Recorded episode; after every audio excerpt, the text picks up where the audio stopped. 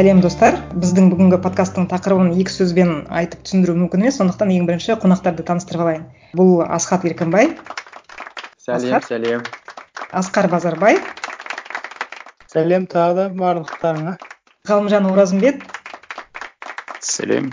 Және мен белла орынбетова жалпы тақырыпты э, бірінші негізі айтайын дегем халықтың надандығы деп ана тырнақшаға алып алып. Бірақ енді подкастта тырнақша жоқ сондықтан ы тыңдармандар қате түсініп қалуы мүмкін. Бізде әдетте бір халықты надан тобыр бұл бұлардан не сұрайсың?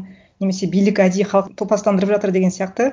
Пікір өте көп айтылады. әсіресе қазіргі коронавирус кезінде осындай ойларды жиі көріп қаламыз. Біз шынымен наданбыз ба? Халықтың сауат деңгейі қандай? Жалпы халық деген не? Сауаттылық деген не? Соны бәрін ашып алайын деп осы подкастты жазуды жөн көрдім. Бұл жерде ешқайсымыз арнайы ғылыми зерттеу жүргізген жоқпыз бір өлшемдер жасаған жоқпыз. Сондықтан әңгіме тек қана бір медиа саласында халықтың арасында жүрген адамдардың еркін әңгімесі деп түсінейік иә? Ең бірінші басын ашып алайық. Ііі сауат деңгейі деп біз нені айтамыз? Яғни әлеуметтік желіде комменттерін қате қате жазып отыратын адам сауатсыз ба әлде? Шіріген бір ескі бір фейкті алып алып оны бір әдемі сөздермен бөлісіп отырған адам сауатсыз ба? Сауат деген не осы жөнінде сөйлесейік бірінші. Ыыы мен бастап көрейін.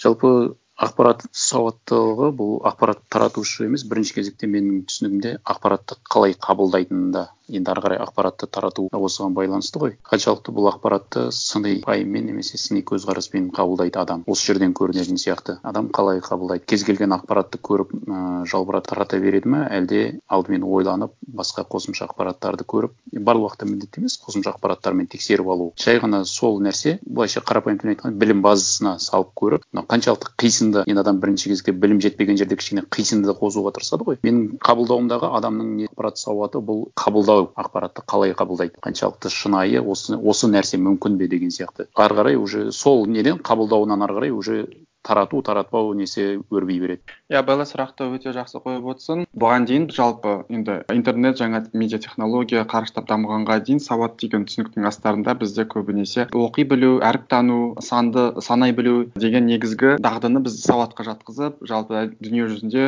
сол бойынша өлшейтін яғни дүние жүзінде елдердің сауат деңгейін анықтаған кезде сол оқу білу жазу білу деген нәрсе анықтайтын. Қазақстан құдайға шүкір ол дағды бойынша яғни оқу білу және жазу білу бізде мектепте оқушылар баратын болғандықтан басқа елдерде кейбір елдерде мәселен тоқсан пайызға жетпейді оқушылардың баруы. Қазақстан ол тұрғыдан біріккен ұлттар ұйымының дерегінде біз сауатты елдердің қатарына жатамыз. Енді сенің қойған сұрағың ол алаңдаушылық. Әрине қазіргі жаңа медиа технологияның келуі жалпы көп концепцияларды ұғымдарға өзгеріс енгізе бастады. Сөйтіп біз қазір сауат дегенге қосатын дүние. Ол медиа сауат оның ішінде ақпараттық сауат бар оның дата сауат бар. Сауаттың түрі жіліктеліп тармақталып кетті. Бірақ жеке өз басым қазір сауат дегеннің ішіне адамдардың үнемі білімді игере алу және соны ы күнделікті өмірін жақсарту үшін қолдана білу дағдысы дегенді мен қазір өзіме сауат деп қосамын егер сол критерий тұрғысынан алатын болсақ қазақстан ғана емес дүние жүзінде адамдар ақпарат тасқыны көп болғандықтан жаңа нәрсе күнделікті өзгеріп шығып жатқандықтан адамдардың ақпараттануы бар. Сол білімді сол ақпаратты қолданып өз өміріне дұрыс қолдана алу деген екінші тұсы бар. Бұл сауат жағынан иә тек қана қазақстан ғана емес дүние жүзінде көптеген елдер ақсап жатыр. Сонымен сауат деген ұғымға тек қана қазір мен оқу жазу сызуды жатқызбаймын. Ы сонымен қатар үнемі білім ала білу дағдысын қоса меңгеру яғни сол сауаттың болуы менің ойымша өте маңызды қазір. Ы сосын жалпы халықты жаңағы надан деген сөз өте ауыр тиеді менің ойымша. Надан деген мүлдем енді артта қалған деген контекст бар. Тырнақшаның ішінде айтылғанның өзінде менің ойымша. Бірақ қазір біз қазақстан і иә жақсылы жаманды басқа елдермен салыстырғанда біз ондай бір сауатсыз демес едім неге? Себебі бізде і интернетке қолжетімділік яғни интернетті қолданатын немесе қалтафон ұстанатындар адамдар бізде бар. Қайткен күнде де көпшілік адамның ақпарат ағынына қосылу мүмкіндігі басқалармен салыстырғанда көбірек. Кейбір елде мәселен мүлдем әлі күнге дейін интернетке шығу немесе интернет ортадағы әңгімеге араласу мүмкіндігі әзір ондай емес. Бірақ ол үшін мен оларды надан деп айтпас едім. Мен айтқым келгені жаңағы асхат барлығын тәптіштеп бөліп бөліп категорияларға бөліп айтты ғой қалай ойлайды бірақ мен надан деп айтқанда мен айтар едім надан деп. Ол наданшылыққа ренжудің де қажеті жоқ оған. Мен өзіме бір белгілі бір мәселелерде наданшылығымды мойындаймын надандығымды. Біреу маған надан деп айтса мен оған егер әрине оны бір белгілі бір дәйектермен осы салада сен дым да білмейсің деп айтса мен ода тұрған ештеңе жоқ деп ойлаймын мойындаймын. Сондықтан егер ол бізде сондай бір сырқат бар болса оны мойындауда тұрған ештеңе жоқ деп ойлаймын. Ал жеке бір адамды әрине ол надан деп айту жұрттың көзінше айту неғылу ол этикаға байланысты адамның мәдени деңгейіне оны басқаша жеткізудің түрлері көп. Бірақ жалпылама айтқан кезде енді мен өзім де айтамын оның ішінде өзім де бармын надандықты мойындауда тұрған ештеңе жоқ. Ол әрине бізде бар. Мысалға барлық халықтарда да бар ол нәрсе. Кеше біреулер айтып жатыр ғой ана вирустың тарауына байланысты бүйтіп жатыр бүйтіп жатыр деп ана талқылар болып жатыр арасында бір бірімен таласып жатыр сонда біреулер айтады ой сонда анау италияда қатты көбейіп кетпей тұрған кезде ғой жаңағы дерт сонда мына европада адамдар былай істеп жатыр анау істеп жатыр магазинге барып андай алып жатыр олар не ақымақ па не сонда дейді да? Сонда не олар надан ба не деп? Мен айтамын иә надан олар да надан болған соң сен не надандар тек қана қазақстанда ғана бар ма? Барлық елде бар ондай халық және олар надан адамдар басымдықты құрайды көп елдерде. Бірақ андай орташа деңгейі болады ғой адамның надандық. Сол надандық былайша айтқанда орта тап өкіліне келіп тіреледі орта тап өкілі қатты миға көп күш салмайтын яғни ядролық физикамен немесе химиялық анализбен айналыспайтын адамдар көп қой. Бірақ дегенмен интеллектуалды еңбекпен айналысатын адамдар сондай адамдар мысалға орта тапты құрайды дәрігерлер мұғалімдер аудармашылар журналистер барлығы сол орта таптың өкілдері болу керек. Бірақ бізде неге екенін тіпті сол орта интеллектуалдардың арасында да сол надандық көп кездесіп жатады да. Және ол надандық деген былай жалпы надандық емес нақты надандық өзінің саласынан өзінің саласын дұрыс меңгермеу сол жағынан қарағандағы надандық. Әрине оның да салыстырмалы дүние ғой мысалға бір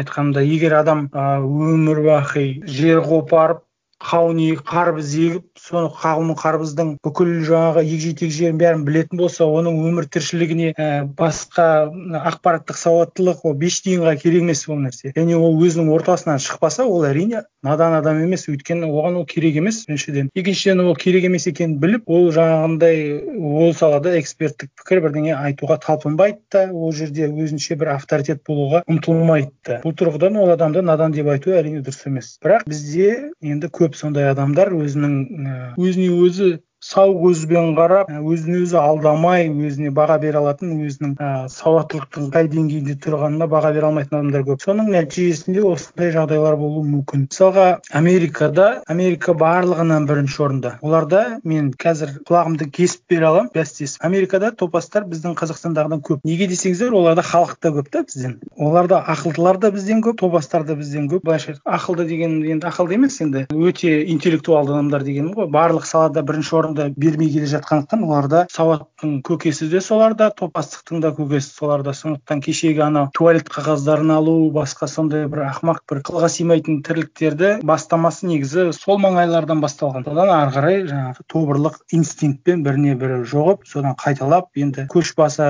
ақш қой қазір көш бастап келе жатқан. Ол жақта не бастаса жұрттар барлығы соны дұрыс екен деп қабылдайды өзінің аналитикалық қасиеті жоқ адамдар көбінесе соған бейім болады. Ал оған аналитикалық қасиет деген ол бөлек әңгіме ол эксперттердің арасында тіпті менің де өзімде менен асқан интеллектуалдардың өзінде барлығында да болатын нәрсе оған ұялудың да оны мойындаудың да қажеті. Оны тек жетілдіру керек аналитикалық жаңа алдында ғалымжан айтып өткендей критикалық ойлау тәсілдері логикадағы қателіктер соларды зерттеу арқылы. Оны да көбісі біле бермейді. Ол кеше ғана шығып жатқан нәрсе біз өмір бақи сондай бір критикалық ойлау деп келген жоқпыз. Ол мысалы кешегі күнге дейін трендте болмаған нәрсе қазір ғана соған барлығы тоқталып келіп жатыр. Ол енді ғылымда бұрыннан бар нәрсе ғылыми ойлау дәйектеу ә, логикалық қисын деген нәрселер бірақ енді сол массаға қазір тарап құдайға шүкір интернет бар. Сол арқылы ә, жоғарғы оқу орындары бар. Енді дистанционды оқу орны қазір білім алу оңай болып соның арқасында. Осындай дәйектеудің принциптері сауатты ойлау принциптері көпшілікке қолжетімді болып жатыр. Сондықтан бізде ешқандай сылтау жоқ қазір. Асқар сен батыс деп айтқанда мына есіме бір кейс түсіп кетті да. Осыдан бір екі жыл бұрын жоқ үш жыл бұрын екен ғой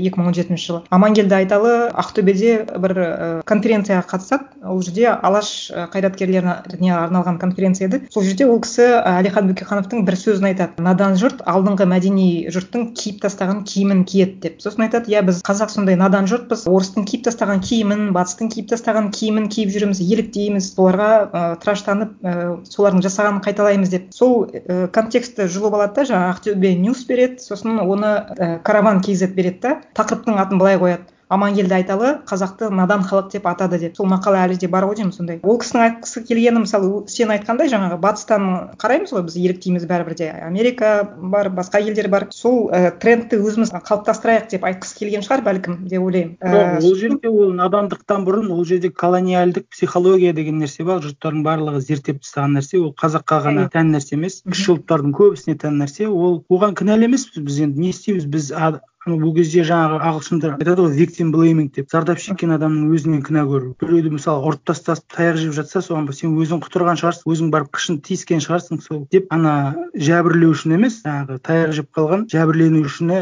жаңағыдай жамандап зорлықты ақтап алуға тырысу деген сияқты. Енді бізде де сондай бар сен жаңағы біреудің қаңсығы біреуге таңсық дегенде еліктеушілік деп жастарды кінәлайды біздің үлкендеріміз. Енді ол да дұрыс емес ол жастар енді солай болғаннан кейін яғни өзінде өзімізде ондай деңгейдегі дүниелер өзімізде ондай деңгейдегі ақыл парасат сондай жүйеленіп қағазға кейіннен түсірілгеннен кейін біздің басқа сырттағы халыққа аузымызды ашып қарауымыз ол заңды нәрсе. Ол үшін иә жастарды да басқаларды да кінәлау дұрыс емес деп ойлаймын. Жалпы бізде кінәлау болғанда біз көбінесе қазір үлкен кісілер жастар деп өзіміз бір сегменттеп тастаймыз да. Мысалы қытай халқының бір өкілдері мысалы бақа шаян жейтін болса онда біз айтамыз бүкіл қытай бақа шаян жейді деп біз стереотипті ойлаймыз да барлығымыз көбінесе. Мысалы халықтың ішінен де мысалы халық деген не ол? Жалпы он сегіз миллион адамның барлығы халық былай қарасаң оның ішінде кім бізге ұнамайды соның бәрін бөліп тастаймыз да халықтан. Мынау шенеунік мынау сондай мынау бизнесмен ы халық деген бір өзімізше бір әлем жасап алғанбыз. Шынның мәнісінде ішінде қылмыскер де бар жақсысы да жаманы да бәрі бар. Енді жарайды і жалпы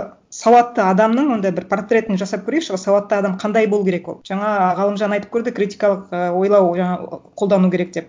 Асхат айтты адамдар білетін ақпаратын ы дағдыға айналдыру керек деген сияқты. Тағы да не істеу керек сауатты адам? Иә белла сауатты адам дегенде мен айтпағым менің түсінігімде қазіргі заманның сауатты адамы а ол үнемі жаңа нәрсені ыыы үйренудің қажет екенін түсінеді. Яғни бұрынғыдай қазір жеткіліксіз. Сенің бес жылдық университетің он бір жылдық мектебің одан кейін тағы бір нәрсең деген бір ғылыми зерттеу жасауың. Ы үнемі жаңа бір нәрсе пайда болады. Сол нәрсеге ы бейімделу және оны мүмкіндігінше өміріңді ы айналаңды жақсартуға ыыы жақсартудың жолдарын түсіну яғни сондай бір сауаттың болуы. А ондай деңгейде иә болу үшін саған қосымша дағдыларың керек. Ііі сыни ойлау бұл ақпараттың көптігінен ы ол дағды бізге қажеттігі туындады. Себебі ақпарат бұрынғыға қарағанда өте көп. Ақпарат қазір енді цифр күйінде беріле бастады ыыы қажетінше бізге. А цифрлы сауат қажеттілігі туындай бастайды деген сияқты. Яғни соған үнемі дайын болу яғни бұл біздікі емес бұл басқа біреудің киімі деген сияқты түсінікпен емес. Яғни келген нәрсені пайымдау түсіну соған сәйкес лайықты өзгеге кесірі тимейтіндей шешім і қабылдай білу. Бұл критикалық ойлауға қатысты айтып жіберейін. Біз неге критикалық ойлау қазір келіп жатыр бізге? Өйткені бұрын бұрын адамдар ақпаратты таңдамайтын. Бұрын адамдар не берсе соны ақш та болсын қайда болсын телевидение не ұсынады соны жұтатын да отыратын. Халық яғни контентті ақпаратты өзі таңдамайтын. А неге сеніп неге сенбеу керек екенін өзі таңдамайтын оған тек ұсынылатын. Тек қана тұтынушы болатын. Енді қазір ә, белсенді тұтынушы болғаннан кейін жаңағы ақпарат көп деді ақпарат көп қана емес ол әр алуан. Сондықтан қазір әрбір қолданушы өзі сот өзі би өзі шешім шығарушы өзі ғалымға айналып отыр. Яғни ғалымдар бұл проблемамен сонау антик заманнан бері қақтығысып келе жатыр шындық проблемасы иә? Мынау былай айтады анау былай айтады қайсысына сенемін деген сияқты. Бұл проблемамен бізде тек билер ғана айналысқан. Билер әртүрлі сұрақ қояды әртүрлі тұқыртады үйтеді бүйтеді логикалық тұрғыда яғни өте шебер ұйымдастырылған сондай сөз ойыны арқылы адамды судың бетіне былайынша кім өтірік айтып отыр кім шынын айтып отыр соны анықтай алатын қабілеті болған билердің. Енді қазір біз әрқайсымыз өзіміз би болдық әрбір ақпаратты сөйтіп сынай алатын деңгейге жеттік. Бірақ сол қару жоқ та бізде. Қару бар бірақ көпке жеткізудің бір әдісі болса мен қуана қосылар едім ол қозғалысқа. Мысалы сен айтасың иә адамдарға бұрын таңдау берілген жоқ бірақ і меніңше адамдар бұрын кішкене сауаттырақ жазған сияқты да білмеймін енді сондай қате жазатын адамдар болды ма екен? Жақсы. Егер қазір таңдау болатын болса неге онда адамдар былай қарасаң интернеті бар кез келген университеттің курсын оқи аласың ғой дипломын алмасаң да неге онда бізде қазір і адамдардың сауат деңгейі бәрібір де кішкене төмендеу? Әлде олар дұрыс таңдау жасай алмай жатыр ма? Белла біз шатастырып отырық бұл жерде. Кейін шатастырып отырық. Сауаттылық деген сөздің мағынасын. Сауаттылық деген сөздің бірнеше мағынасы бар. Сол біз екі жағын айтып отырмыз мысалы сіз айтып отырсыз жаңа сауаттылық неге қате жазады? Қате жазу деген қазір былайша айтқанда бір і принципиальный нәрсе болмай қалды. Бір кездері бізде әріп танымайтын кезде әріп таныту сауаттылық саналатын. Қазір ол сауаттылықтың ол мағынасы былайша айтқанда өзексіз болып бара жатыр. Өйткені қазір дыбыстық жаңағы мессенджерлер бар і қатеңді жөндеп беретін программалар бар. Сондықтан оны ондағы қажеттілік қалып бара жатыр. Ол тек қана бір престиждің немесе бір профессионализмнің деңгейін көрсету сондай ғана мағынасы қалып бара жатыр да. Ал сауаттылық мағынасы ол мен мысалға і неше түрлі техникалық саладағы мамандармен жұмыс істеймін соларға аудармашы боламын. Олар қалай болса солай құрайды сөйлемді. Бірақ ол сауатсыз деген мағынасы емес. Олар мысалға өте жоғары деңгейде құрастырылған қондырғыларды бұзып шашып қайтып жинай алатын мамандар олар екінің бірінің миы жете бермейді оған. Сондықтан жаңағындай әріп тану анау мынау деген ол қазір өзекті деп ойламаймын. Ол тек қана былай жазу мәдениеті і мәдени бір мағынасы ғана бар да. Ал бір әлемдік мәселе шешетін мағынасы бар деп айта алмаймын ол қателерді сондықтан біз анықтап алуымыз керек қазір қандай сауат туралы айтып біз жаңағы асхат айтты ғой әрдайым үйреніп отыру жаңаға ашық болу деген сауаттылық деп. Мен соған толықтай қосыламын. Және осы тұрғыдан қарасақ біз сауаттылықты біз басқаша жаңа мағынада қарастыруымыз керекпіз. Біз сауаттылық деген жаттанды дағдылар емес ал әдемі жазу дұрыс жазу үтір нүктесін бәрін қойып жазу деген ол дағды ол білім емес. Ол дағды ол жақсы ол пайдалы дағды белгілі бір мамандарға былайша айтқанда нанын тауып жеуге көмектесетін дағды. Бірақ ол ол сауат дегеннің мағынасы одан кеңейіп кетті қазір. Әлдеқайда кең қазір сауаттың мағынасы біз жаңа мағынасында қарастыруымыз керек деп ойлаймын. Өте жақсы түзету. Мысалы белла қарасаң қазір коронавирус деп бәріміз карантинде отырмыз. Енді бәрінде құдайға шүкір көпшілігінде қазақстанда енді статистика бойынша үйінде компьютер бар және интернеті бар. Бірақ і көпшілігі оны қалай қолданады? Компьютерді мәселен ойын үшін қолдануы мүмкін. Бірақ мінекей қажеттілік туындады. Алтыншы сәуірден бастап қателеспесем мектептер онлайн сабақ беруге көшеді. Алда мінекей жаңаша парадигма туындады. Жаңаша сен балаңа сабақ үйрету керексің. Бұрын ата ана мектепке жіберетін болса оның түсінігінде бір өмірінде бір жаңа бір нәрсе пайда болды. Енді реакцияны байқаймыз да адамдардың. Яғни сауат деңгейі осыған бейімделе алу деңгейі және оны ары қарай оған қарсы тұрмай оны өзіне ыңғайлау сосын одан тағы бір мүмкіндік жасау. Және бұл осылай тоқтап қалмайды. Ертең білмеймін келесі жылы тағы бір құдай бетін аулақ қылсын бір і сондай бір ауру шықса тағы бір нәрсе болса ол нәрсеге қаншалықты дайын болу. Яғни осындай өмірдің бұрынғыдай емес басқаша болғандығын қабылдау және соған өзін үнемі дайындау деген сияқты түсінікте қарау керек шығар. Ал асқардың айтып отқаны дұрыс ол мәдениет деген сияқты озығы бар тозығы бар. Бұрын шынымен жазу сауаты маңызды болса қазір керісінше орфография компьютерден грамматикалық қатені жөндейтін бағдарламаны білетін адам сауаты болса ол ол сауатсыз әріп терсе де ол оны сауатты ұсына алады. Сол сияқты адам кітап оқымаса да бірақ ол гуглдан оны дұрыс таба білетін болса қажетті ақпаратын оның оған қажеттілігі маңыздырақ. Яғни і мәдениет сияқты кейбір дағдылар олар өз маңызын і сәл оның солғын тарта бастайды оның маңызы. Ал кейбір дағдылар өмірдегі біздің алдымызда технологиялық өзгерістерге байланысты ма ұшырасып отқан і жаңалықтарға байланысты кейбір дағдылардың бояуы қанық бола бастайды. Біз соны қабылдап і және соған дайын болу керекпіз және ол тоқтап қалмайды. Сонымен ары қарай өсе білу керекпіз. Мен бағанағы сенің бір пікіріңе қайтып оралғым келеді. Ана білме білгеннің тілін алма деген сарында пікір айтылып жатты. Неге? Бізде бөліп тастаймыз кейбір адам кейбір мысалы халық дегеннің ішіне категорияға мысалы шенеунікті қоспаймыз немесе халық пен билік деп билік бір халықтың ішінде емес халықтың тысындағы дүние сияқты қабылдауға тырысамыз. Дейтін болсақ бұл әлгі ә, дұрыс шешім қабылдай алу дұрыс шешім қабылдай алмау деп түсінемін себебі екі, екі арада әр тарап жаңа өзінің сауатының деңгейіне байланысты шешімді әртүрлі қабылдайды. Сондықтан біз біреудің қабылдаған шешімі бізбен үндес болмаса ә, біз оны бөліп тастауға тырысамыз ә, фейсбукта оны дос қатарына қоспаймыз. Бізге бүгінгі әлеуметтік желі барлығы бізге сондай бір адамды жақсы көрудің жаңа бір формуласын алып келді десе болатын шығар. Әлеуметтік желіде әрқайсымыз өзіміздің шеңберімізде өмір сүреміз өзімізге ұнайтын пікірі суреті тағысын тағы. Біз сондай бір бабл жасап алдық шеңбер жасап алдық. Тиісінше бізге ұнамайтын бір шешім қабылдаса яки бір пікір айтылса біз сол біздің баблымыздан тыс ол менің халқым емес.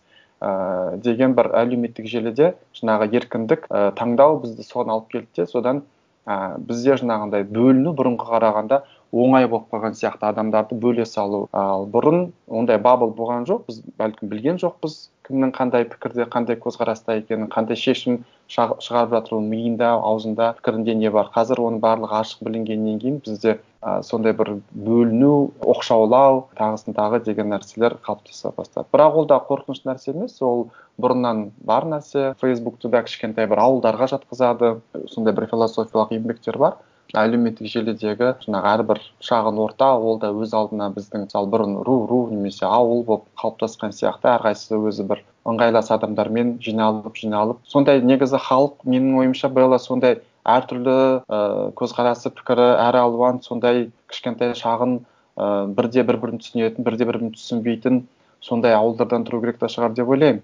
Бірақ ең үлкен сұрақ ол бәрінің ортақ бір түсініктің болмауы яғни біз қайда бара жатырмыз деген бәрінде бірдей бір ортақ үлкен бір сұраққа жауаптың болмау яғни бір нақтылы бір құндылықтың түсініксіз болуы. Ә, содан бастап жаңағы ең төбедегі ең маңызды дүние түсініксіз болғаннан кейін ә, бізде жаңағы алшақтық басқаларға қарағанда ә, бір тарап оны көбірек сезінетін шығар деп ойлаймын. Біз траекториямыздың қандай қайда бара жатқанын білмейміз ғой дейсің ғой иә? Немесе қай жаққа нәрсе бар жоқ мәселе сонда біз бір, бір тарап оны өзінше білуі мүмкін де екінші тарап ә, оны біл, ә, білмейді я білгісі келмейді. Яғни содан жаңағы немесе оған жеткен жоқ ол траектория қандай екенін оны ести алмай қалды білмеді. Оған әртүрлі себеп болуы мүмкін. Иә түптеп келгенде траектория жоқ емес траектория әркімнің өзінде бар бірақ ол ортақ емес болғандықтан Э, алшақтық. Ә, бізде ә, тереңдеп бара жатқан шығар. Ондай нәрсе бар ғой білгеннің тілін алма дегендегі бізде м эксперттерге сенім жоқ. Эксперттерге жалпы білім саласы жалпы ғылымда жүрген адамдарға ондай шетелдегідей сенім жоқ. Неге десеңіздер өркениеттің дамуы неден басталады? Барлығын біліп леонардо да винчи болудан басталмайды. Былайынша бұрынғы ренессанстың кезінде ондай бірнеше тіл білетін жаңағыдай тігінді де тігетін суретті де салатын жан жақты дамыған адамды полимат деп атаған ғой. Ондай адамдар аз болған. Бірақ қазіргі өркениеттің даму қарқыны ондайға мүмкіндік бермейді көп адамдарға. Көп адамдар күнін көру үшін бір жұмыспен ғана шұғылдану керек. Бүкіл назарын бүкіл уақытын соған яғни мына еңбек нарығында қалу үшін сақталып орнын сақтау үшін соған тырысады. Бізде еңбек нарығы да соншалықты бір бақталастыққа толы емес болғандықтан ондай ә, бізде ондай бір бүкіл назарыңды соған салу қиын. Біріншіден екіншіден дәстүр қалыптаспаған бізде еңбек бөлінісінен бастап дамиды ғой өркениет қалай дамыса да ең алдымен еңбек бөлінісінен дамиды. Ақш та сол жағынан бірінші орынға шықты деп айтуға болады. Онда мысалға бір адам бір ғалым ғылыммен айналысатын болса тек сол ғылымды түбіне дейін қууға тырысады тар аяда оған біз әрине өй олардікі дұрыс емес анау мынау деп жаңағы советтік түйсікпен қараймыз негізінде. Бірақ соның арқасында олар озып отыр біріншіден. Екіншіден эксперттерінің дәл сол салада сенімділігі өсіп отыр да. Яғни олардың ақ дегені ақ қара дегені қара болады халық үшін. Қанша халықтар надан болсын мен айттым ғой алдында бізден де көп оларда надандар. Бірақ сол надандардың өзі эксперт әңгіме айтқан кезде бір жерін қысып тыңдап отырады. Өйткені сенім бар. Олар бір кездері дәлелдеген да. Бізде қалай бізде бір эксперт бірдеңе айтып жатса ей мынау мыжи береді жеп жеп алып отыр ғой орнында деп. Жемесінші триком шайнамасын мен өзім пікірім бар өзім қазір гуглдан қарап аламын өзім бүйтіп аламын деген сенімділік бар да.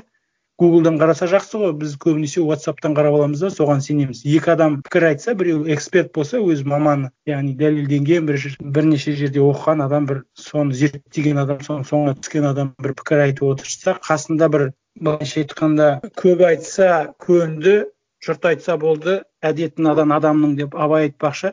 Жұрттың бәрі не айтып жатыр қатындар не айтып жатыр екен өсекшілер не айтып жатыр екен деп соған қарай ауып кету басымда халықта. Бірақ онда да тұрған халықтың кінәсі жоқ жаңағындай бізде сенімнің тумауы ол жүйелі мәселе эксперттерге. Сондықтан әр адам өзінің саласын түбіне дейін зерттеп нетуге бірақ оған да қарап отырсаң бақталастық керек қой. Адам қараптан қарап мысалға мен жұмысымды жартылай жасап дәл сол айлық алатын болсам оны оған барынша беріліп дәл сондай айлық алатын болсам маған онда қандай і былайша айтқанда қандай резон бар ары қарай сонша терлеп енді одан да барып нетфликстен кино қарамайын ба?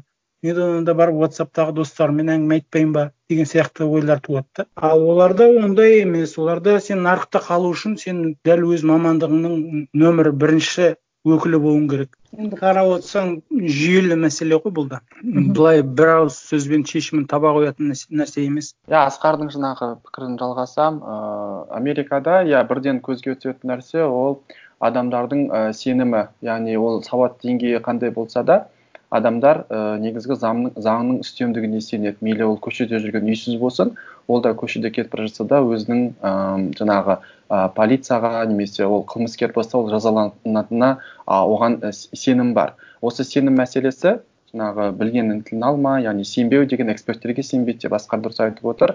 А, осы нәрсе ы көп ы ойландырады. Не себепті бізде қоғамда өйткені өте қатты шетелде біраз тұрып келіп қазақстанға келген адамның ең бірінші байқайтыны осы ә, адамдар күлмейді дейді. Күлмейтін себебі біз сенбейміз. Ә, мәселен адамдар ә, бір өзара сенім жоқ. Ә, тіпті өз өзіне сенбейтін адамдар бар құдайға сенбейтіндер бар. Тіпті кейде мешітке барса адам мешітке аяқ киімін қалдырып кетсе ол кезде де адам уайымдап тұруы мүмкін. Аяқ киімім қалдырып кеткен орында тұра ма? Жоқ па? Яғни сенім мәселесі қоғамда жаңағы экспертке болсын дәрігерге болсын ііі кім бар полицейскийге болсын тағысын тағы біз бір зерттеу болған психологиялық па екен әлеуметтік зерттеу болды қателеспесем. Мына ы сенім қоғамдағы сенімнің ы қалай өлшенеді қоғамда не себепті кейбір қоғамда? Қауымда сенім күші жоғары ал кейбір қауымда адамдар ы неге сенім күші ы төмен? Немесе неге адамдар бейтаныс адамға сеніп кез келген әңгімесін ақтарылып айта кететін болса ал дәл қасында жүрген адамға ы олай ақтарылмайды деген сияқты.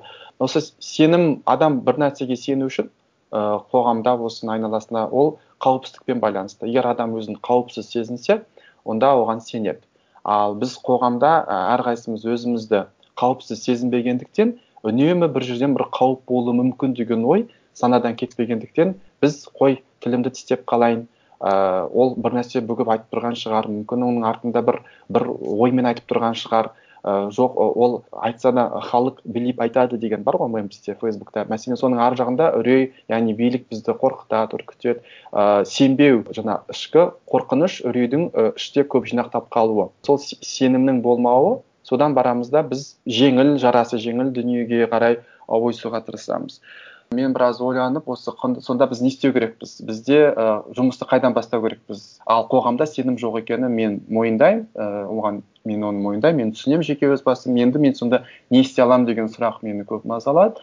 Ыыы неден бастау керек жұмысты? Бізде сенбейміз. Ыыы газеттегі жазғанға сенбейміз халыққа сенбейміз. Мен дәрігерге барсам мың жерден ол эксперт болса да мен оның қол астында тұрған дәрісіне сенбеуім мүмкін себебі ол қандай жолмен қазақстанға келгеніне дәрігердің өзінің не сенсем де. В общем сенбеу деген нәрсе көп содан қалай құтыламыз деп ойладық та соңында менің келген ойым мынау бірінші кезекте адамдар бізде сотқа деген сенім болмаса яғни қылмыскер қайтсе де жазасын алады деген сенім болмаса онда қиын деген ойға келдім. Себебі егер менде соған сенім болса онда ары қарай ыыы бір жұмыс істеу ы онда жеңіл болады. Себебі мен білем бір адам қылмыс жасаса ол міндетті түрде жазасын алады. Тиісінше бізде сотқа деген сенімді күшейту қоғамда жаңағы сотқа деген сенімді күшейту маңызды ма деп ойладым. Сол сияқты мәселен дінде де егер имамға сенім болмаса онда мешітке адам келмейді. Сол үшін ы дінде жаңағы имамға деген сенімді күшейту үшін имам не істейді?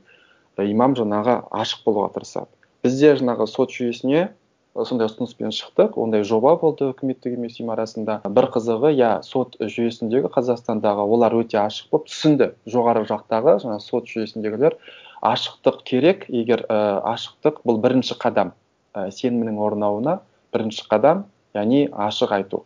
Ы олар сол ашықтықты бастап ы жаңағы сот жүйесіндегі адамдар одан кейін ы заңгерлер судьялар ы сот туралы жазатын журналистер сот туралы жазатын блогерлар осы кезең кезең кезең кезеңмен бір үш жыл ма сондай жоба болды. Жоба ы нәтижесін әрине ол бірден бермейді бірақ өзім сол жобаның ішінде жүргенде байқағаным шынымен адамдарда стереотип өте көп болған. Мәселен бір ауданнан адам болды судья. Ол журналистке сенбейді. Өйткені журналист барады оны ол да адам бірақ оны ол әртүрлі қылып жамандап жазып тастайды. Ал журналист ол да судьяға сенбейді өйткені айтады ол деген өзіне ұнайтын шешім қабылдайды ол ауданда осындай адам бүйтеді сөйтеді деген сияқты. Қарапайым екі ортада екеуі отырып ашылып ммм жаңағындай сөйлесу болмаған ашықтық болмаған. Бір бірін адам ретінде қабылдау одан кейін маман ретінде қабылдау процесі жүрмеген. Содан біз италиядан келген ыыы бір судьяны шақырдық. Ол өзі байкер болатын шоппингпен айналысады. Содан біздің судьялар аузын ашып таңқалды қалай бұл? Сіз судьясыз ба? Шынымен еще инстаграм аккаунты бар жаңа фейсбугі бар. Бәрін салады. Жаңағы байкер болып мотоциклмен қап қара киім киіп алып жаңағы көшесін қаланы аралайды деген сияқты біздің судьялар деген ойбай біз деген даже пробежкаға шыға алмаймыз біз жаңағы шықсақ енді біз дегенде бүкіл сөзін айтып отқан жоқпын жаңағы бізге мен көрген сондағы кісі бір екі кісі айтып жатыр мен өзім пробежкаға шығуға қорқамын өйткені пробежкаға жүгіріп бара жатсам бір журналист келіп суретке түсіріп алып ертең жаңағы әртүрлі тақырыппен мына қараңдар кеше ғана осындай үкім шығарған судья ыыы пробежкада түн ішінде кетіп жатыр деген сияқты. Сондай ыыы қарапайым нәрселер былай қарасаң сол сенім і мәселесі егер бізде адамдар сенсе журналистер дұрыс нәрсе жазса ыыы тиісінше мен басқа жақтан ақпарат іздемеймін оларға сенемін сол бойынша мен күнделікті өмірде шешім қабылдаймын. А егер журналистер і дұрыс ақпарат берген шенеунікке сенсе ол да мақаласын дұрыс жазады. Егер шенеунік жаңағы ақпарат беруші халық оны бұрмаламай дұрыс қолданады дегенге сенсе ол да бәлкім і басқаша ыыы әрекет ететін бе? Еді түптеп келгенде екі арада бізде үлкен бір коммуникациялық бір каналдар жолдар ма екен ы сол ақсап жатқан сияқты. Мен мүлдем белла сенің жаңағы сауат деген халық дегеннен алшақтап кеткен сияқтымын иә кішкене. Жоқ алшақтаған жоқсың. Керісінше мен ойлап отырмын да адамдардың сауатты болуы үшін не істеу керек деген кезде біз көбінесе бір андай тренингті айтамыз оқыту керек үйрету керек. Меніңше адамдардың бәрінде бар да ол. Просто олар қолдана алмайды оны. Қолдана алғанда жаңағындай сенімсіздік болып тұр ғой. Сенің айтып отырған мәселең дұрыс. Сенім мәселесіне қатысты өзім де ойланып қалдым былай.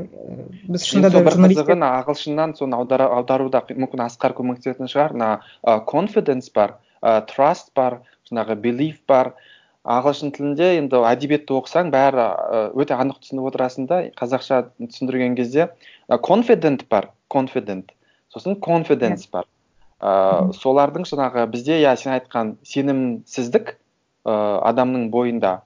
Ыыы сосын сенім ол confident деген сенімменен жаңағы believe жаңағы сену деген кішкене бізде тура ашпайтын сияқты.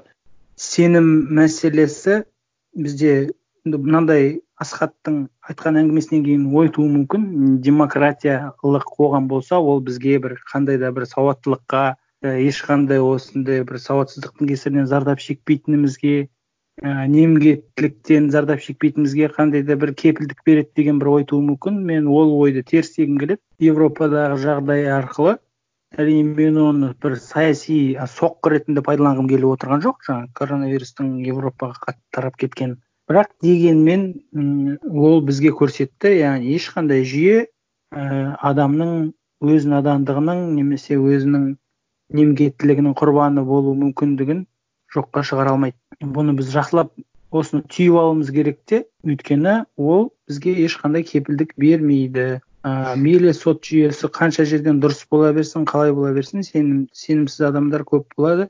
Себебі бізде ы орта таптың деңгейі орта тапта бақталастық көп емес. Мысалға мен шетелдік жаңағы баспаларда шетелдік форумдарда отырған кезде бір әңгіме бастасам оны іліп алып кететін орташа джо деп айтады ғой енді. Былайша айтқанда қаймана қазақ дейміз ғой біз. Қаймана қазақ келіп сол әңгімеге ілесіп кетіп менің айтып отқанымды түсініп мен оның айтып отырғанын түсініп кететін жағдайлар көп. Ал біздің ортада ііі мені түсінбей қалуы не болмаса басқа жағына іліп алып кетуі сол жағынан бізде бір кемшін тұстарымыз бар. Оны психологтар да айтады ғой психологтардың зерттей келе мынандай айтыпты. Қазақтарда өзінің сезімін білдіретін сөздер аз жұтаң екен да. Сондықтан бізде астарлап айту сезімді ашық айту бізде бір ы табу саналғандықтан не сезініп тұрғанын қорқып тұр ма сенімді ма илана ма иланбай ма ыыы соның нана ма нанбай ма соның барлығын жеткізуге қазір қандай сезім үрей болсын басқа болсын соны жеткізетін сөздер аз бізде. Яғни біз соншалықты бір сезімтал халық емеспіз ол тұрғыда сөз жағынан. Бірақ соның арқасында сөзбен жеткізе алмағаннан кейін біз не істейміз? Біз а кішкентай бала өзінің ойын өзіне ұнайтын нәрсені өзіне ұнамайтын нәрсені жыны келіп тұрғанын сөзбен жеткізе алмаса ол не істейді? Ол ұрады. Ол ұрады ол жылайды. Ол жаңа паника шығарады ол жерді тепкілейді ашуланады. Сондай кезде ата ананың міндеті балаға қалай сол сезімді сөзбен яғни өркениетті адам сияқты айту. Маған осылай жасама мен маған бұл жақпайды. Мен оны бұныңды ұнатпаймын себебі сен осылай жасағанда мен осындай күйге түсемін. Сондайды айтқан кезде түсініспеншілік арта түседі. Өйткені әрине оның қасында тұрған адам да сондай күйден өткен болуы мүмкін. Сондықтан ол бірден түсінеді. Ал оны айтпай ішімдегіні біліп ал деп ыыы әртүрлі астармен айналсоқтап өйтіп бүйтіп білмесең топассың астар түсінбейсің деген сияқты нәрселер бізде қазақтарда көп сондай. Тоқ етерін айтпау оған соның арқасында енді бізде сол сезімді білдіретін сөздердің жұтаңдығы байқалады. Және сол сезімді басқаша көрсету әрбір халықтың өзінің бір кішкентай бала сияқты бір теория бар ғой сондай. Әр халықта әр халықтың дамуын баланың адамның жетілуі ретінде суреттейді. Сол тұрғыда біздің мысалы қазақ халқы орташа орта есепті қазақ халқының түйсігі жасөспірімнің түйсігі сияқты. Жасөспірімдер қандай болады? Өлердей намысшыл болады. Болмайтын нәрсеге күйіп пісіп намыстанып жылап жібере сақтайды. Төбелесіп өзіне ешқандай тиімді ешқандай пайдасы жоқ қайдағы бір қақтығыстарға бір қайдағы бір афераларға авантюраларға кірісіп кетеді. Өзін дәлелдеймін деп өзін көрсетемін деп. Бірақ одан ешқандай пайда таппайды.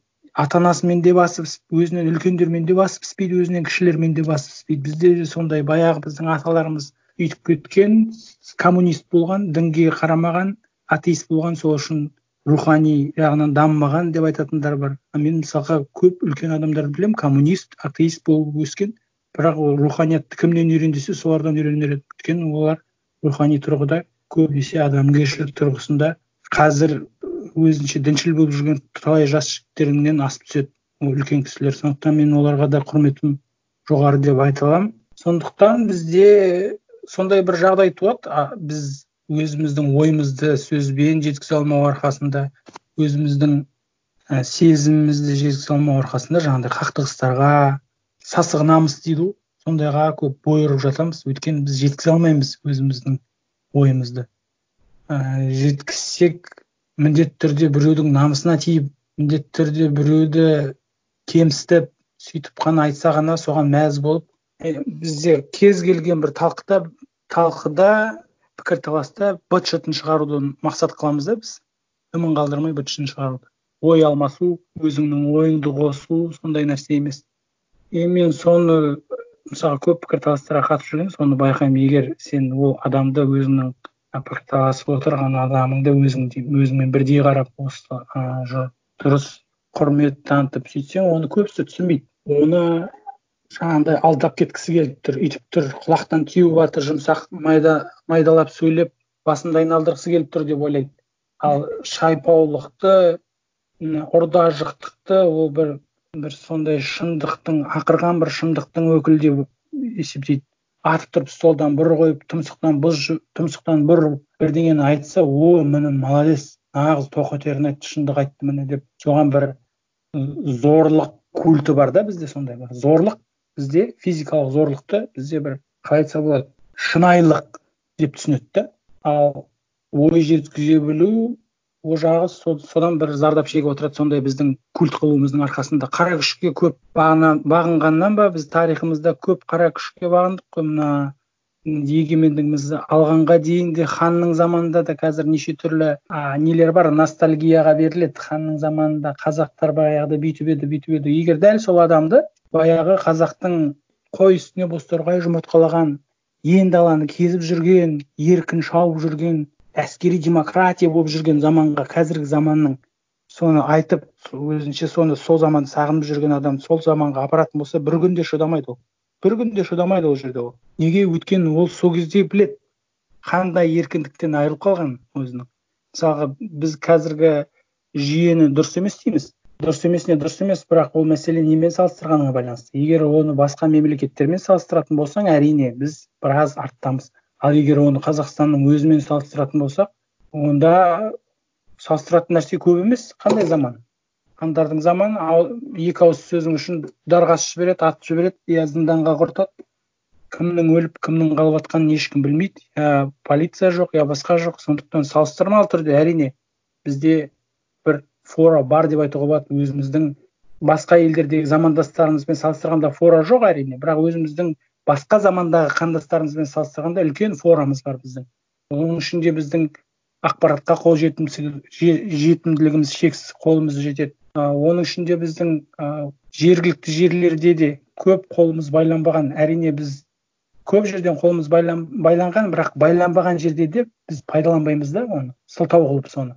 Кейбір жерлерде біздің қолымыз жетпеген жерде істей алмағанымызды қолымыз жететін жерде әрекет ету етпеуге сылтау етіп пайдаланамыз да соны. І жаңа сен айтып кеттің иә бір бізде бір ыыы ащы шындық деген мем болып кетті уже мем емес.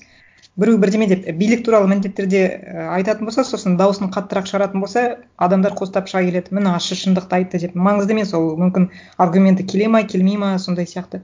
Сен жаңа айтып отырдың ғой бір ыыы пікірталастарда адамдар маған ермей қалады дегенде сол кезде ана абайдың сөздері есіме түсіп кетті да атымды адам қойған соң қайтып надан болайын халқым надан болған соң қайда барып оңайын деген сияқты. Сол жерге қайтадан кішкене оралғым келіп тұр да мүмкін ол адамдар і сөйлемей қалатын себебі м мынада шығар деп ойлаймын.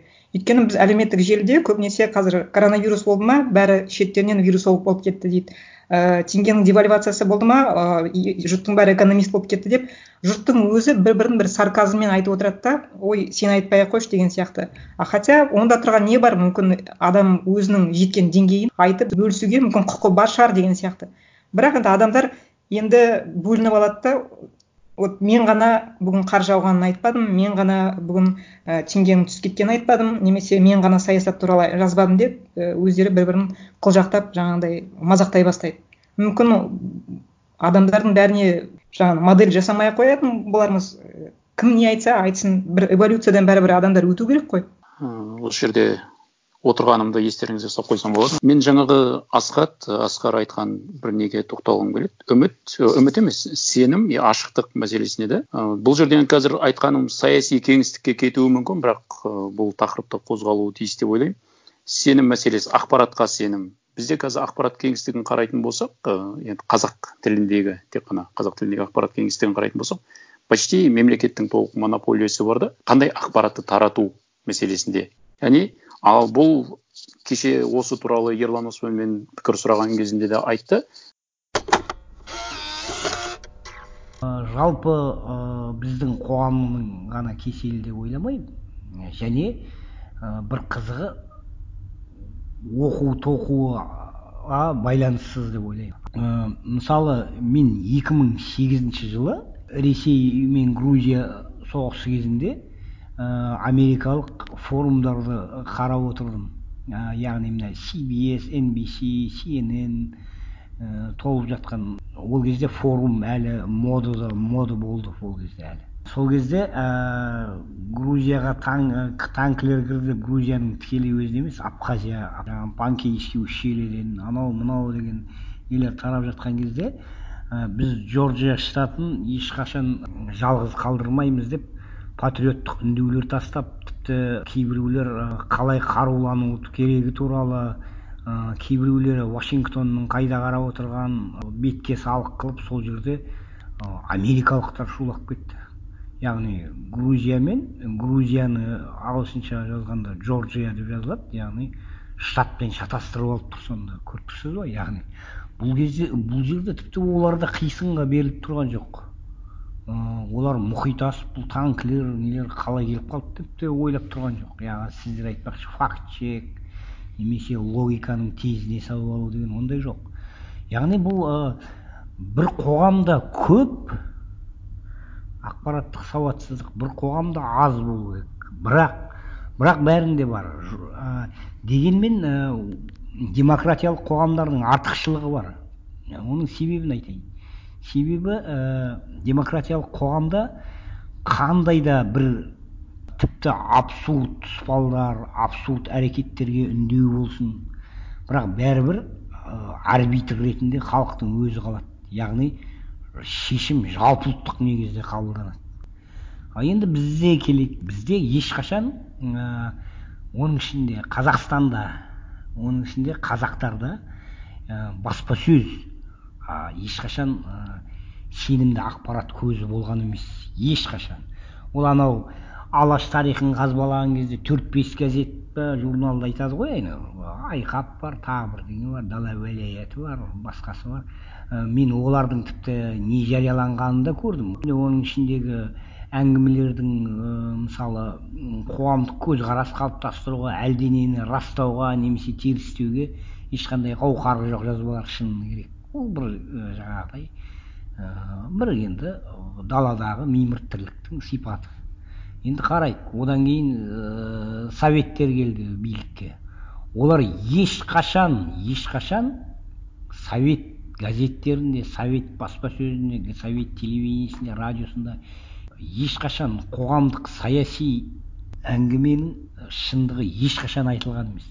Тіпті адамдарда мен соңғы кезеңдерінде байқағанда тіпті адамдарда мынау кімде бар ғой? Оруэллде бар ғой ә, двоемыслие дейді. Яғни сенің өміріңді қисайтып береді және сен оны рас деп өзің қабылдап тұрасың.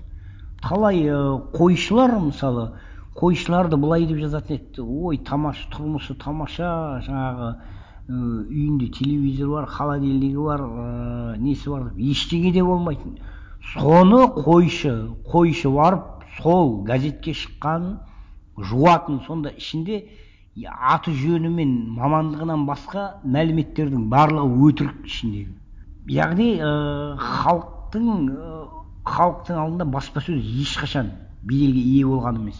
Ол болды иә анау парторгтер бірақ бірақ түптің түбіне келгенде тұрмыстық шешім кәдімгі өміріңе өзіңнің жеке өміріңе ә, байланысты кәдімгі дәл қазір әсер ететін бір әрекет ә, шешім қабылдайтын кезде адамдар бәрібір де өсек аяңға таныстың айтқанына немесе өзінің ішкі түйсігіне өмір тәжірибесіне сүйенетін.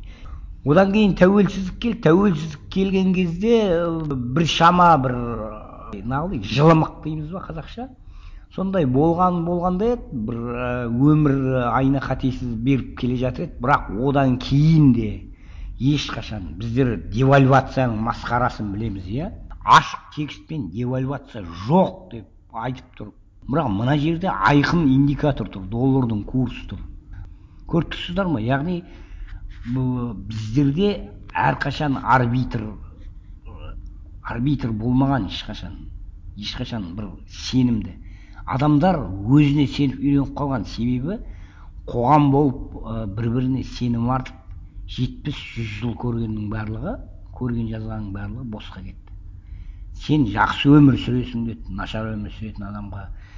Сен ә, елдің азы мен тозысың деді шындық айтып шырқыраған адамға.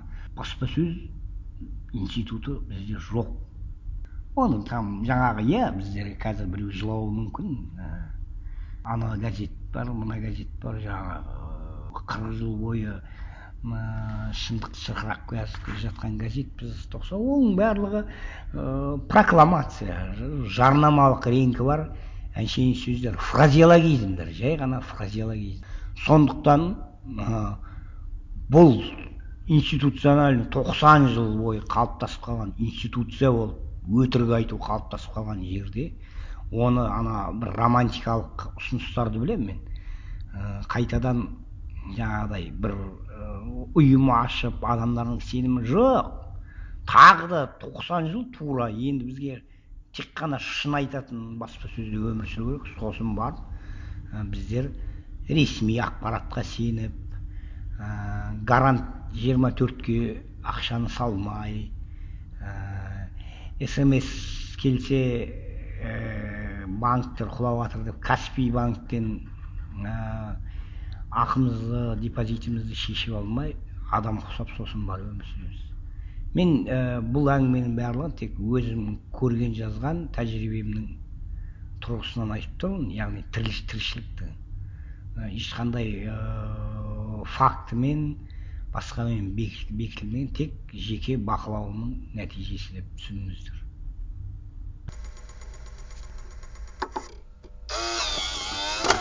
Толық ол пікірге толық қосыламын. Дәл солай ойлаймын. Кезінде ақпарат кеңістігі қандай монополияда болса тоқсаныншы жылдарды және екі мың ондардың екі мыңдардың ортасындағы аздаған жылымықтан кейін қайтадан сол монополияға қайтып келдік та.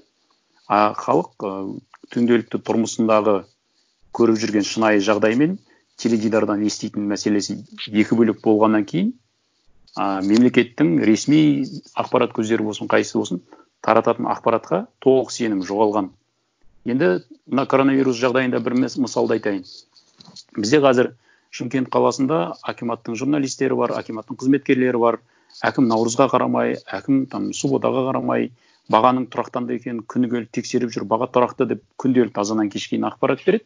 Дәл соған параллельно қазір супермаркеттен кәдімгідей фотосын салып міне мынау мынауша теңгеге қымбаттапты картошка мынанша килоға өсіпті яғни теңгеге өсіпті деген сияқты параллельно бір альтернатив ақпаратты жекелеген адамдар өзінің опытынан ұсынып отыр да а енді өзіңіз қараңыз ресми ақпарат анандай ал бейресми адамдардың кассадағы салып жатқан ақпараты осындай. Мен қайсысына сенемін? Әрине мен қалтамнан шыққан ақшаның көлеміне сенемін. А осындай ақпараттағы жаңағыдай алшақтық сенімді одан сайын өлтіреді да содан кейін билік не айтса да тіпті анау өтірікшінің өлдім дегеніне сенбе дегенге келеміз да дәл қазір ақпарат ыыы сіңбей жатыр ақпарат өтпей жатыр тыңдамай жатыр. Оның бір себебі де осы адамдардың сенімі өліп қалған. Бірінші кезекте альтернатив ақпарат көзін бәрібір қалдыру керек. А енді бізде фейк ақпарат негізінен таратын жері өзіңіз білесіз ол ватсапта а ватсапта қазір билік бізден бір нәрсені жасырып отыр деп бастап кез келген ақпаратты өткізіп жіберуге болады деп ойлаймын. Өйткені адамдарда уже биліктің жаңағыдай мемлекеттің мемлекеттік билік тарапынан ұсынылатын ақпаратқа сенімнің өлгендігі соншалық олар оған ұқсамайтын міндетті емес ыыы басқаша болуы. Тіпті мемлекеттік ііі баспасөз ұсынып отырған ақпараттан да абсурдты абсурд ақпарат болуы мүмкін. Бірақ мемлекет бізден жасырып отыр мынау басқаша екен деп ұсынған ақпаратты өткізу оңай болады. Бұл үлкен проблема. Сенім мәселесі осы жерден келіп өледі да содан кейін жаңа асхат өте жақсы көтеріп отыр мен оған толық келісемін ашықтық мәселесіне. Асхат ы асқармен кішкене келіспеймін бізде иә рас бізде бар ақпараттың өзін толық тұтынып отырған жоқпыз бірақ ашықтық бәрібір жетіспейді қай салада болсын. Егер ақпарат ашық мүмкіндігінше ашық болатын болса мейлі ақпаратты жүз пайыз ашып тастасаң да халықтың ары кетсе бір он он бес проценті ғана оны белгілі дәрежеде пайдаланады. Бірақ сол он он бес проценттен қалған бөлігі де алу мүмкіндігі бар ғой. Бізде ол біршама шектеулі. А енді эксперттер туралы асқардың сөзіне толық қосыламын өткенде жаңа коронавирус туралы постқа да келіп бір нәрсені жақсы айтты пікірі. Ештеңе істеудің керегі жоқ ешқандай ақылдың да керегі жоқ. Эксперттерді тыңдаңдаршы деп. Ыыы дәл қазір жағдайда ол өте маңызды бірақ біріншіден мен көретін нәрсе эксперттердің өзінде эфир жоқ.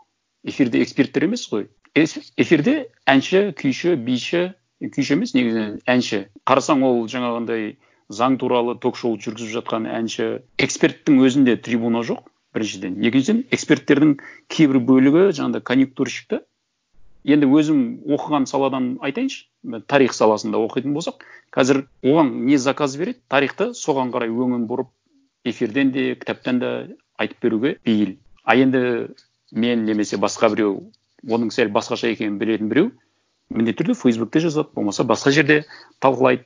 Е мынау өтірік айтып отыр деп. Яғни эксперттің өзі белгілі бір дәрежеде бағынышты болғандықтан біреулерге мүмкін жаңағындай тендер көзіне мүмкін госзаказға бағынышты болғандықтан ол да шын шынайы өзінің ойын біліміне сүйеніп емес өзінен не естігісі келіп отырғанын айтуға бейіл да. Сондықтан экспертке де сенім азаяды. Сондықтан менің ойымша бұл жерде тек қана жаңа сенімді ақпарат көздерінен бөлек эксперттердің де табыс табу өмір сүру айналып келгенде жаңағы өмір сүру қауіпсіздік мәселесіне келіп тіреледі ғой ең қарапайым қажеттіктер.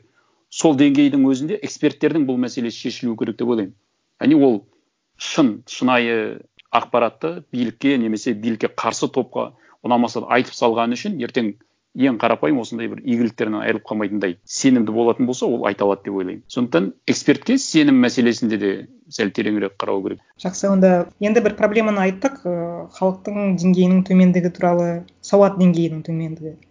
Біз не істей аламыз енді? Әрқайсымыз осы подкаст тыңдап отырған адамдар өзіміз айтып отырған адамдар сауат деңгейін көтеру үшін сәл де болса. Сол туралы айтып қорытындылап жіберейік енді әңгімені. Ы бұл жерде бір нәрсені айта аламын. Асқар жұмаділдаевтың бір несі бар интервьюінде айтқаны бар. Ы осы сіздің салаңызды дамытуға қандай үкіметтен қандай жағдай жасалуы керек деп сұраған кезде ол айтады. Математикке соншалықты бір үлкен оборудование керек емес маған керегі қағаз бен қалам ғой дейді да есеп шығару үшін жаңағы ғылымымды жасауым үшін. Маған ең үлкен нәрсе ең үлкен көмек және жалғыз керек көмек ол кедергі келтірмеу дейді болды.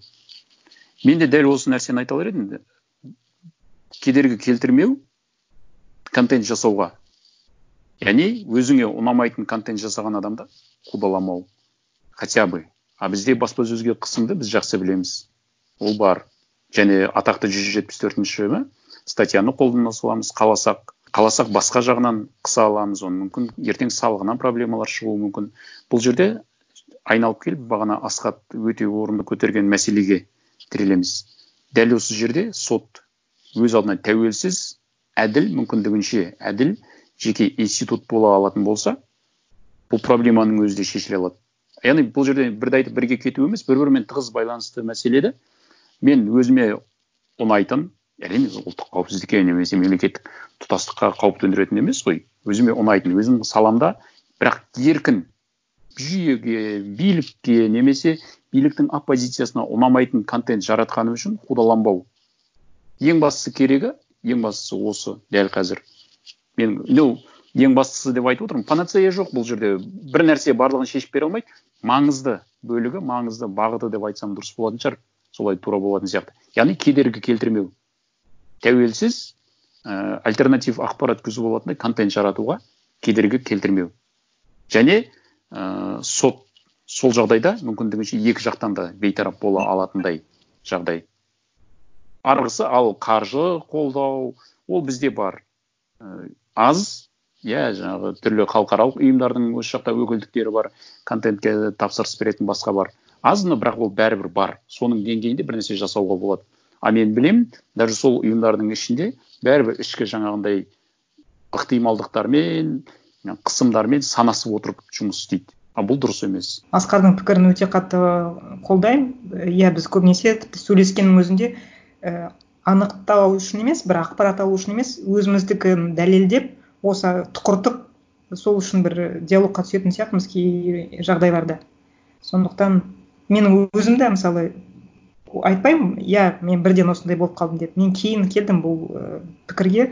Тіпті фейсбукта да пікірталастан кейін өзім кішкене ойланатын болдым. Ол маған неге айтты деген сияқты. Мүмкін шынында да солай солай ма деп. Мен біраз і көзқарастарымды і өзгерткенімді мойындаймын. Кейде тіпті асқармен диалогта да сондай бір нәрселер болған. Кейде өзім қайтадан сол ойға қайтып келдім да переосмыслила яғни бір шешімге келдім басқадай шешімдерге. Сондықтан мүмкін біз ойлайтын шығармыз. Халық фейсбукта бір бір бірімен і жаңағындай бет жыртысып сөйтіп айтып алады деп. Мүмкін олар да кім біледі ойланып жатқан шығар. Мүмкін әлі де ойланатын шығар деп і үміттенемін асхат і сен қалай ойлайсың? Осы сауат деңгейін көтеру үшін мысалы сен не істей аласың өзің? Басқа адамдар не істей алады? Иә мен де қазір бір і біріншіден де мен сен қайта қайта фрейминг жасап отырсың ғой халық біздікі жаңағы мағжанның і өлең шумақтарын келтіріп. Мен мен мен олай ойламаймын халық біздің қазақстандағы менің айналамдағы адамдар жаңағындай ііі қараңғы су қараңғы деген түсініктен сәл де болса мен адаммын. Мен де бір жүйе туралы айтқым келеді бірақ менің жүйем і сәл басқаша жүйе айтқым келеді мына екі мың он бірде шыққан танымаша кітап бар ыыы канеманның ыыы қазақша аудардым екен? Thinking fast and slow деген. Ііі сол ы жылдам және баяу ойлан ойлан ойлану деген. Соған салсақ ы бұл когнитивті психология адамның ы санасында ой екі түрлі жүйе бойынша қалыптасады. Ы бірінші жүйе бар және екінші жүйе бар. Жаңа сен айтып отқан ыыы сөздің сөзінен кейін есіме түсіп отыр. Бірінші жүйеде бұл жаңағы і жалпы қарапайым сауат екіге екі қосқанда қанша болады деген ыыы сұрақтың жауабы ол бірінші жүйе бойынша қалыптасады. Ал жаңағындай бір айтылған ойға қайтып оралу ы қайтып келу ыыы деген нәрселер ол екінші жүйеде қалыптасады біздің ойымызда. Ы сол шетелде зерттеу бойынша жаңағы сыни ойлау адамдар жаңағы сауат бойынша сауаттың негізгі ы негізгі емес маңызды бір критерийдің бірі сыни ойлау білу десек сол сыни ы ойлау ол осы екінші жүйеде ы қалыптасады екен. Ыыы бізде і тұтастай алғанда бағана асқар айтқан ақпаратты тек тұтыну тұрғысынан ыыы негізгі мәдениет негізгі тәжірибе ы тұтыну тұрғысынан болған болса ол бізде бірінші жүйеде ойлану ойдың біздің ойымыздың ы канеманша айтатын болсақ онда біздің ойымыз бірінші жүйеде көбіне ы қалыптасып жүрді. Ал жаңағы медиа жалпы сауатқа медиа ғана емес жаңа сыни ойлау айтылған ойға басқаша қырынан қарап көру ыыы деген нәрсе ол екінші жүйеге келеді екен. Ы бағана асқар айтып өтті і менің сөзімде жаңа мен қарсымын демократиялық мәселе ол мәселе демократиялықта емес. Ыыы ол ыыы қоғамда мәселен ыыы америкада ол кішкентай кезден сыни ойлау ыыы ол дағды ретінде дәстүр ретінде кішкентай кезден қалыптасады. Ол оқумен келеді. Қазір ағылшын тілінен сабақ беріп жүрмін мысалы көмектессем сонда байқағаным оқитын адам ол абстрактылы ойлана алады ол бір абстрактылы ойды сәл де болса келе алады. Және оқу деген оқу және ойлан, ойланса жай ғана дауыстап сыздыртып оқу емес. Бұл сол екінші жүйенің ы қалыптасуына көмектеседі. Менің айтпағым ата ана ретінде жалпы қоғамның азаматы ретінде бұл сыни ойлауды дамытудың бір тәсілі бұл ыыы оқу дағдысын дамыту әсіресе кішкентай кезден яғни бала кезден бағана асқар да айтып өтті ғой бізде кішкентай кезде жаңағы ыыы балаларға пікірін айта алмайды сезімін білдіруге мүмкіндік бермейміз. Немесе ыыы қазіргі оның ойынша қазақ тілінде ы сезімді білдіретін сөздік қор әсте табу қиын қиындау деген пікірін айтып өтті. Яғни балаға кішкентай кезден ы ішкі қорқыныш үрей жаңағы сыни ойлау дағдыларын дамытуды баулу яғни қосымша көзқарасты ыыы дамыту. Бұл бағанағы айтқан жаңа дағдының түрі ы балаға кішкентай кезден ы коммуникация құру ы басқа баламен конфликтіні шеше білу кішкентай кезден сол дағдылар және сыни ойлау дағдысын кішкентай кезден қалыптастыру ол үшін мәселен сіз жай ғана мысалы мақта қызды ертегісін айтып бересің бе? А сыни қара. Сонымен ыыы бұл жерде ыыы былай болса қалай болар еді? Сценарийді басқаша құру қарапайым нәрсе жағдайға басқаша қарап үйрету бұл бірте бірте жаңа екінші жол екінші жүйеде ойлануға ы көбірек мүмкіндік береді. Сол үшін бала ыыы медиа сауат болсын сауаттың барлығының біздер ы айтатын бір жауабы ол кішкентай кезден ыыы балаларға мектеп жасында болсын оған дейін болсын ыыы сыни ойлау дағдысын дамытуға жәрдемдесу. Бұл жерде сыни ойлау дегеніміз бұл күстаналау емес адамды ыыы мазақтау емес сыни ойлау деген ы басқа қырынан қарап үйрету. І яғни сәл артқа шегініп кідіртіп ал былай болса қалай болады? деген нәрсені кідіртіп үйрету. Ііі менде айтатын нәрсе осы. Уақыт жақындап қалған сияқты енді. Қысқаша ғана мүмкіндік болса айтып өтейін. Сауат не істей аламын деген сұрақ қойылды бірақ енді бәріміз ііі кішкене кеңірек айтып жатырмыз ғой. Мен өз тарапымнан мен менің төрт балам бар. Мен біреуге анау біреуге мынау дейтіндей емеспін. Енді мен сол төрт балама мүмкіндігінше маған қалай осы жүйенің берген мүмкіндігінше ы осы заманның қазіргі заман көп мүмкіндік береді ғой бізге.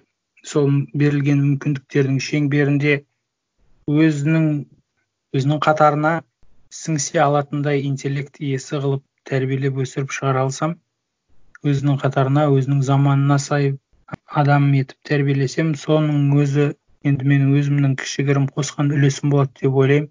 Ал одан бөлек әрине қол босай бермейді. Ағартушылықпен айналысу қолдан келсе аударма ерікті аудармамен айналысу аудармамен айналысқан кезде де таңдап таңдап аударатын нәрселерді аудару керек. Жаңағындай біздің әңгімеміздің барлығы билікке ысырып тастаумен бітпесе екен деймін осы әңгіме. Өйткені ол да бір қателік. Адамның халықты биліктен бөлек қарауы өйткені олар инопланетяниндер емес бөгде планетадан келген жоқ. Дәл сол адам кететін болса дәл сондай тәрбие алған дәл сондай мектепте оқыған дәл сондай біз көріп жүрген адамдардың біреуі сол билікке ие болады. Мүмкін даже біз өзіміз сол кезде абдырап қалуымыз мүмкін жағдайды көріп жағдайдың мүлде басқаша екенін көріп билікке сотқа барлығына әрқашан халықта күмән болып бұл нормальный нәрсе. Өйткені күмән болмаса оған сыни қараудан қалады халық. Айтқан нәрсесінің бәрін жұтып ол бізде ә, биліктің де күн тәртібіне қойылуға тиіс нәрсе халықты м диктатураға емес демократияға біртіндеп үйрету керек. Біртіндеп ол, ол демократия деген нәрсе ол бере салатын нәрсе емес оған үйрену керек адам жетілу керек. Сондықтан халықтың деңгейін соған үйретсе екен дейміз. Сол менің айтарым. Негізгі осы тақырыпты таңдағаным бүгін көбінесе адамдар бір күстаналап қазақтың өзіне осы қазақтың өзіне сол керек қазақ десең өзіңе тиеді осы қазақтың жүрген жері сол деген сияқты. Мен сондай нәрселерге келіспеймін. Әлеуметтік желіде әсіресе қазір коронавирустың кезінде көрген кезде маған оны ұнамайды. Сондықтан сұрап отырғаным сол біз шынында да бір деңгейіміз і төмен халықпыз ба әлде қандаймыз? деп. Бірақ сіздердің айтқан аргументтеріңізден кейін иә менің де көзім ашылып қалды менің де бір сауат деңгейім сәл болса да көтеріліп қалды деп ойлаймын. Сондықтан осындай нотада әңгімемізді аяқтайық. Сіздер уақыттарыңызды бөліп пікірлеріңізді бөліскеніңізге өте көп рахмет сіздерге. жақсы. Аха сау болыңыздар. Сау болыңыз. Сау бол амандықта саулықта жүздесейік.